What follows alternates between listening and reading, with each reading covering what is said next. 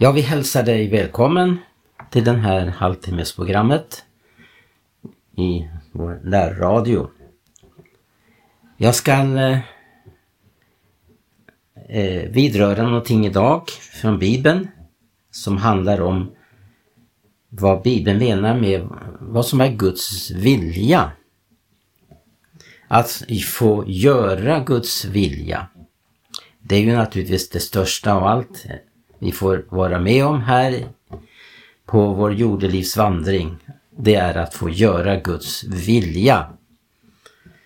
Och då Jesus gick omkring här på jorden så talade han om vad som var Guds och är Guds vilja med dels den enskilde människan. Han kallade ju människor enskilt, var och en, att stå upp och följa honom. Han talade också om vad Guds vilja är med till exempel familjen, församlingen och eh, hela mänskligheten faktiskt. Vi ska strax komma till ett bibelord som handlar om det. Vi har också vad som är Guds vilja den sista tiden. Vad Bibeln talar om då det gäller eskatologiska tingen. Och där får vi också veta hur Gud talar till oss om vad som är hans vilja i, i ändetiden. Ja, det som har att göra till exempel med Jesu tillkommelse. Där är uppenbart hur vi ska göra Guds vilja för att vara redo. För att vi ska förenas med honom. När han kommer tillbaka och det som Bibeln talar om uppryckelsen. Jag tänker på ett bibelord i Markus, det tredje kapitlet och från den 31 versen till kapitlets slut så får vi veta om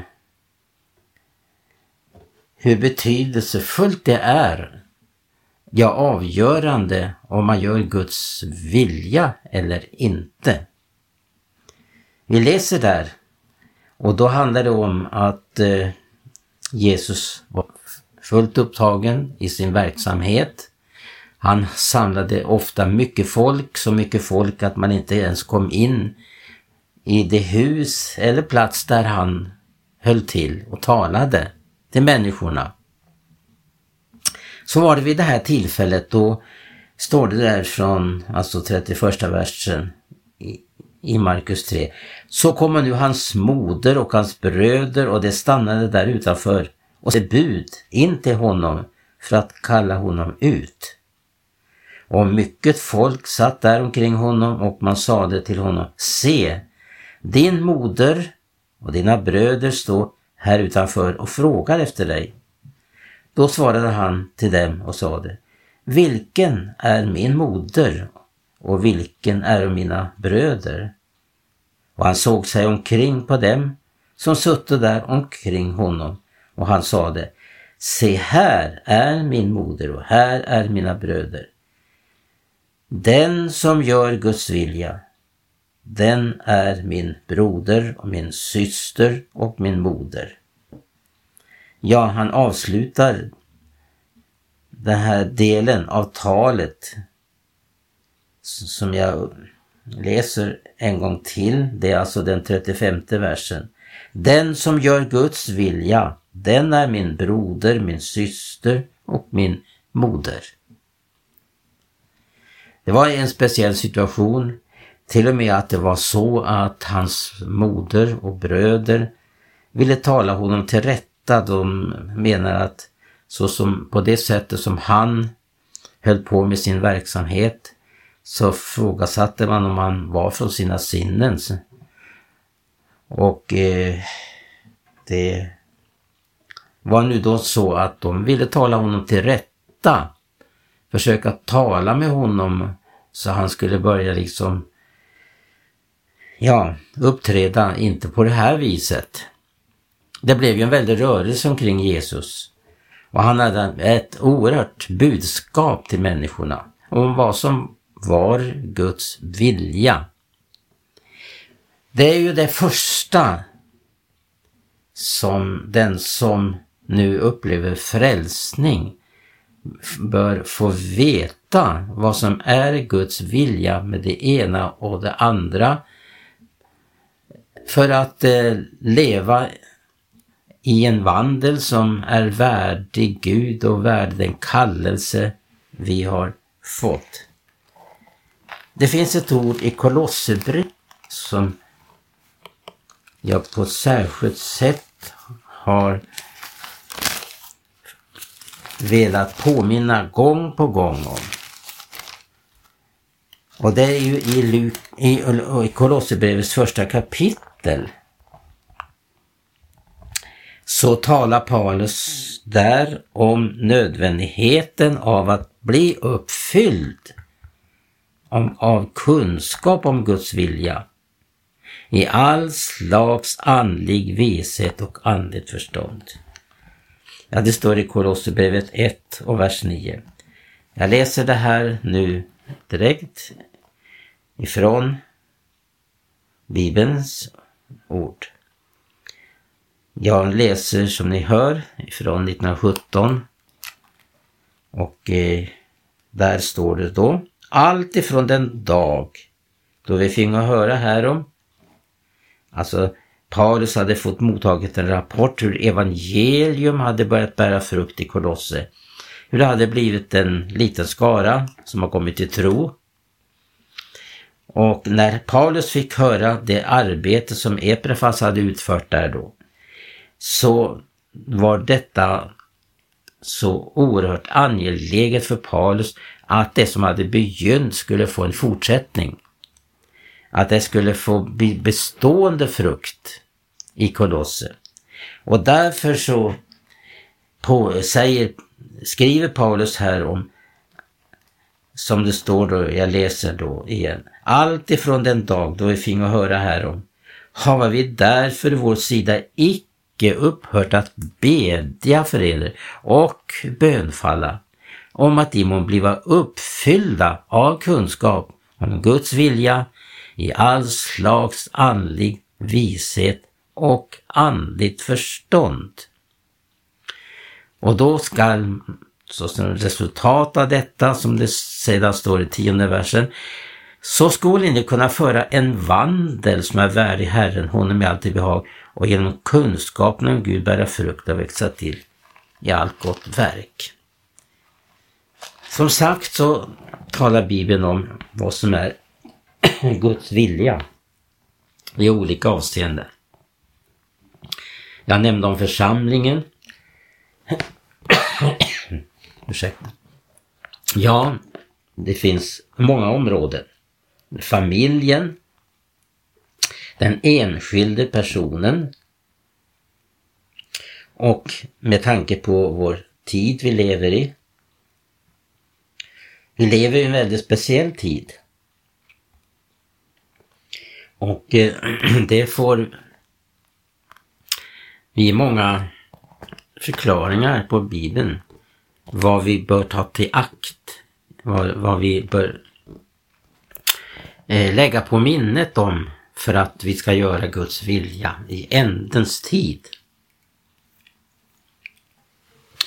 Om vi nu då tänker oss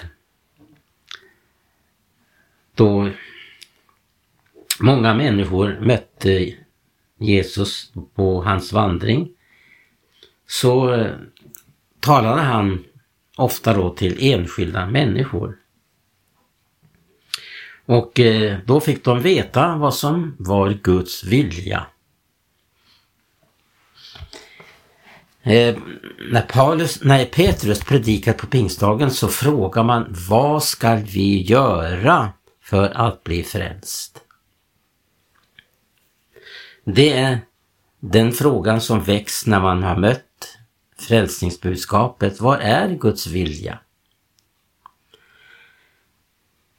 Och då ska vi till exempel läsa ur eh, eh, Lukas finns det ett, ett eh, bibelställe som eh, talar om det här. Och då handlar det om att han säger till enskilda människor att de ska eh, följa honom. De ska gå stad och förkunna Guds rike. Men eh, man eh, tvekade inför detta. Och Jesus påminner just om konsekvenserna av att följa honom här i tiden. Och det blev uppenbarat vad som var Guds vilja. Någon ville gå bort och begrava sin fader men Jesus säger gå låt de döda begrava sina döda. Men gå du och och förkunna Guds rike. Ja, det här var någonting som eh, människorna hade svårt att smälta. Man tänkte på anhöriga, man tänkte på eh, vad som kanske kunde, vad som skulle ske när Jesus säger att lämna allt och följa honom. Att komma i konfrontation med sina närmaste till exempel. Det är ju för var och en att ta ställning till vad Guds ord undervisar om, vad som är hans vilja. Nu finns det ju en personlig ledning för var och en. Gud har en personlig plan för varje människa. Som, som hon måste svara ja till för att komma in i Guds vilja med sitt liv. Och då handlar det om att vi möter olika ting här i tiden. Därför att att vara en, en, eh, levande kristen, det innebär många konflikter. Inte bara om sina närmaste utan man kommer också i konflikt med allt det som vad den här världen representerar. För Jesus säger ju det att eh, i den här frälsningen som han förkunnade, den innebar att han tog dem ut ifrån världen. Och där kom, därigenom skulle då också världen komma att hata dem. Eftersom de inte är av världen utan de blev av honom utvalda och tagna ut ur världen. De tillhörde inte världen längre. Man får världen emot sig. För världen gör inte Guds vilja. Och det här har sin begynnelse i att man bröt mot Guds vilja en gång. Därmed kom synden in i människosläktet. Och de första människorna bröt mot vad som var Guds vilja. Och det var begynnelsen till denna katastrof som den här mänskligheten har levat i och kommer att leva så länge människorna kan fortsätta på det här viset men en dag sätter Gud stopp. Precis så som han gjorde på Noas tid, han satte stopp för mänskligheten att fortsätta utöva sitt ogudaktiga levande. Där det alltså blev så genomsyrat så hela mänskligheten levde i fördärv och hela jorden uppfylldes av våld som det heter. Men Gud hade en plan med Noa och han gjorde Guds vilja och det blev honom till räddning och frälsning. Den enskilde då får uppleva vad, att eh, den får genom Guds ords undervisning klarhet om vad som är Guds vilja med hennes liv. Jag tänker också på, gäller församlingen, så har vi ju väldigt klar och tydlig undervisning i Guds ord vad församlingen är och vad den inte ska vara. Och hur Paulus i många av sina brev verkligen klargör vad som är Guds vilja med församlingen. Församlingen det är ju någonting som eh, inte är, är av den här världen och kommer naturligtvis i konflikt med den här världen. Och det har alltid, det har alltid rått, eh, rådigt, eh, vad ska jag säga, eh, existerar konflikt mellan församlingen och världen.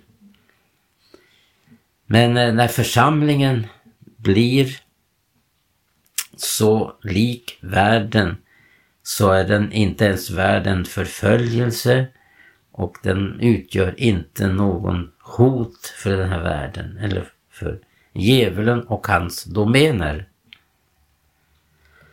Men församlingen den är här i tiden för att det ska finnas en möjlighet, en plats. Inte geografiskt men en plats, det vill säga andligen en plats dit människor kan få utvecklas och eh, få mer kunskap om Guds vilja, leva i helgelse, renhet. Församlingen är ju kallad att leva i renhet. Och eh, Paulus skriver ju då till korinterna att eh, eh det är omöjligt att församlingen kan gå i ok med världen. Man ska inte taga, Guds, taga emot Guds nåd att den blir utan frukt och man uppmanas att gå ut ifrån dem och skiljen är det från dem.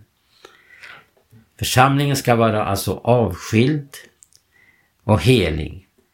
Den ska vara så som man sa om folket som Gud hade tagit ut från Egypten, att det var ett annorlunda folk, ett folk som levde för sig själva, uppträdde på ett speciellt sätt, var så annorlunda.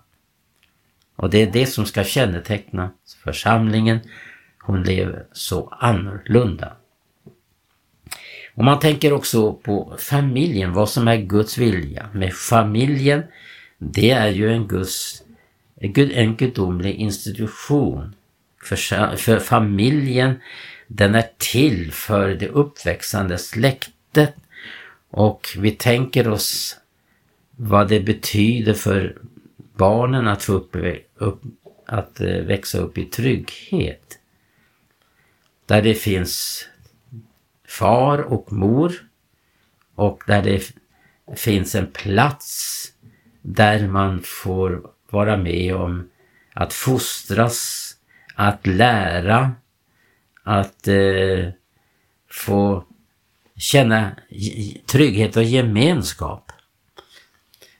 Det är ju så här att som man sa i de politiska kretsarna förr i tiden, för länge sedan, så sa man så här att så som, så som familjen blir, så blir också samhället. Och att familjen, det är hörnstenen i samhället. Och därav förstår vi att varför det ser ut som det gör idag, problemen som blir allt starkare i vårt samhälle, beror just därpå att inte familjen får fungera så, så som Gud har tänkt det. För detta som är någonting som Gud har förordnat, det har Gud sagt att eh, man och kvinna och deras eh, roll i att eh, en familj kan fungera som den ska. Och det är också en förebild till församlingen. Man måste ha ett andligt hem. Och det är väldigt viktigt att man är involverad i en eh, gudomlig gemenskap som församlingen är. Man är inte där av en tillfällighet utan det ingår i Guds gudomliga plan. Detta. Vi har ju också eh, mycket som talar om vad som är Guds vilja i den tid vi lever i. Jesus talar till exempel om sin tillkommelse och hur man ska vara vakande och bedjande.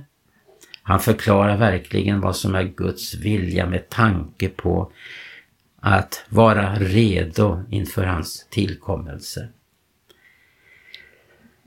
Ja, det är några områden där som jag bara påmint om vad som är viktigt att iakttaga vad Bibeln lär om vad som är Guds vilja. Det får vi verkligen bli påminda om i olika situationer. När man till exempel eh, ser hur det gamla förbundet upplevde detta. Men jag tar ett exempel härifrån Första krönikboken 12. Så var det en situation där man började förstå vikten av att göra Guds vilja. Där det står ifrån 32 verserna av Isaskars barn kommo män som väl förstod tidstecknen och insåg vad Israel borde göra. Och längre fram så står det i 38 versen av dessa krigsmän ordnade till strid komma i sina hjärtas hängivenhet till Hebron för att göra David till konung över hela Israel. Också hela det övriga Israel var eniga i att göra David till konung. Här är ett uttryck för hur man förstår vad som är Guds vilja för sin tid. Och det här kan också drabba väldigt hur enskilda människor som avviker ifrån vad som är Guds vilja.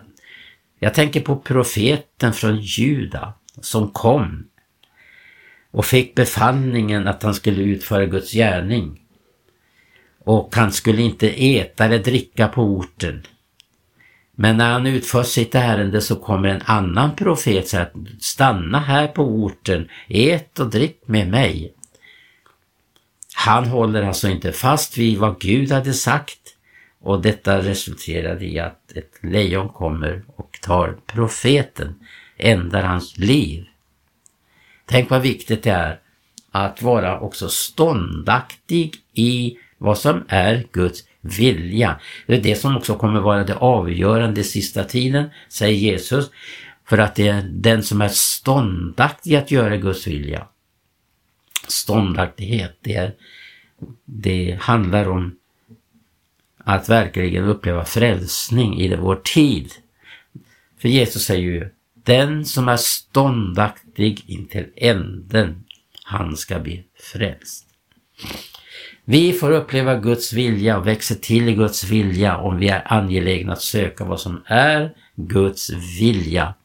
Och det får vi hjälp av bibelordet och vi får hjälp av den helige Ande som leder oss fram till hela fulla sanningen. Vi behöver uppleva vad som är sanning om det ena och andra. Och därför skriver Paulus, detta tillhör eder helgelse, säger han att göra Guds vilja i det avseende han tar upp där. Det gäller äktenskapet. Ja, vi får verkligen ta till oss Guds ord. Och det som är helt avgörande, vill vi göra Guds vilja? Och den som gör Guds vilja, han, säger Jesus, är min moder, min syster och min broder. Gud välsigna dig som har varit med i den här sändningen och vi önskar dig allt gott och eh, på återhörande. Jag som har talat heter Tage Johansson.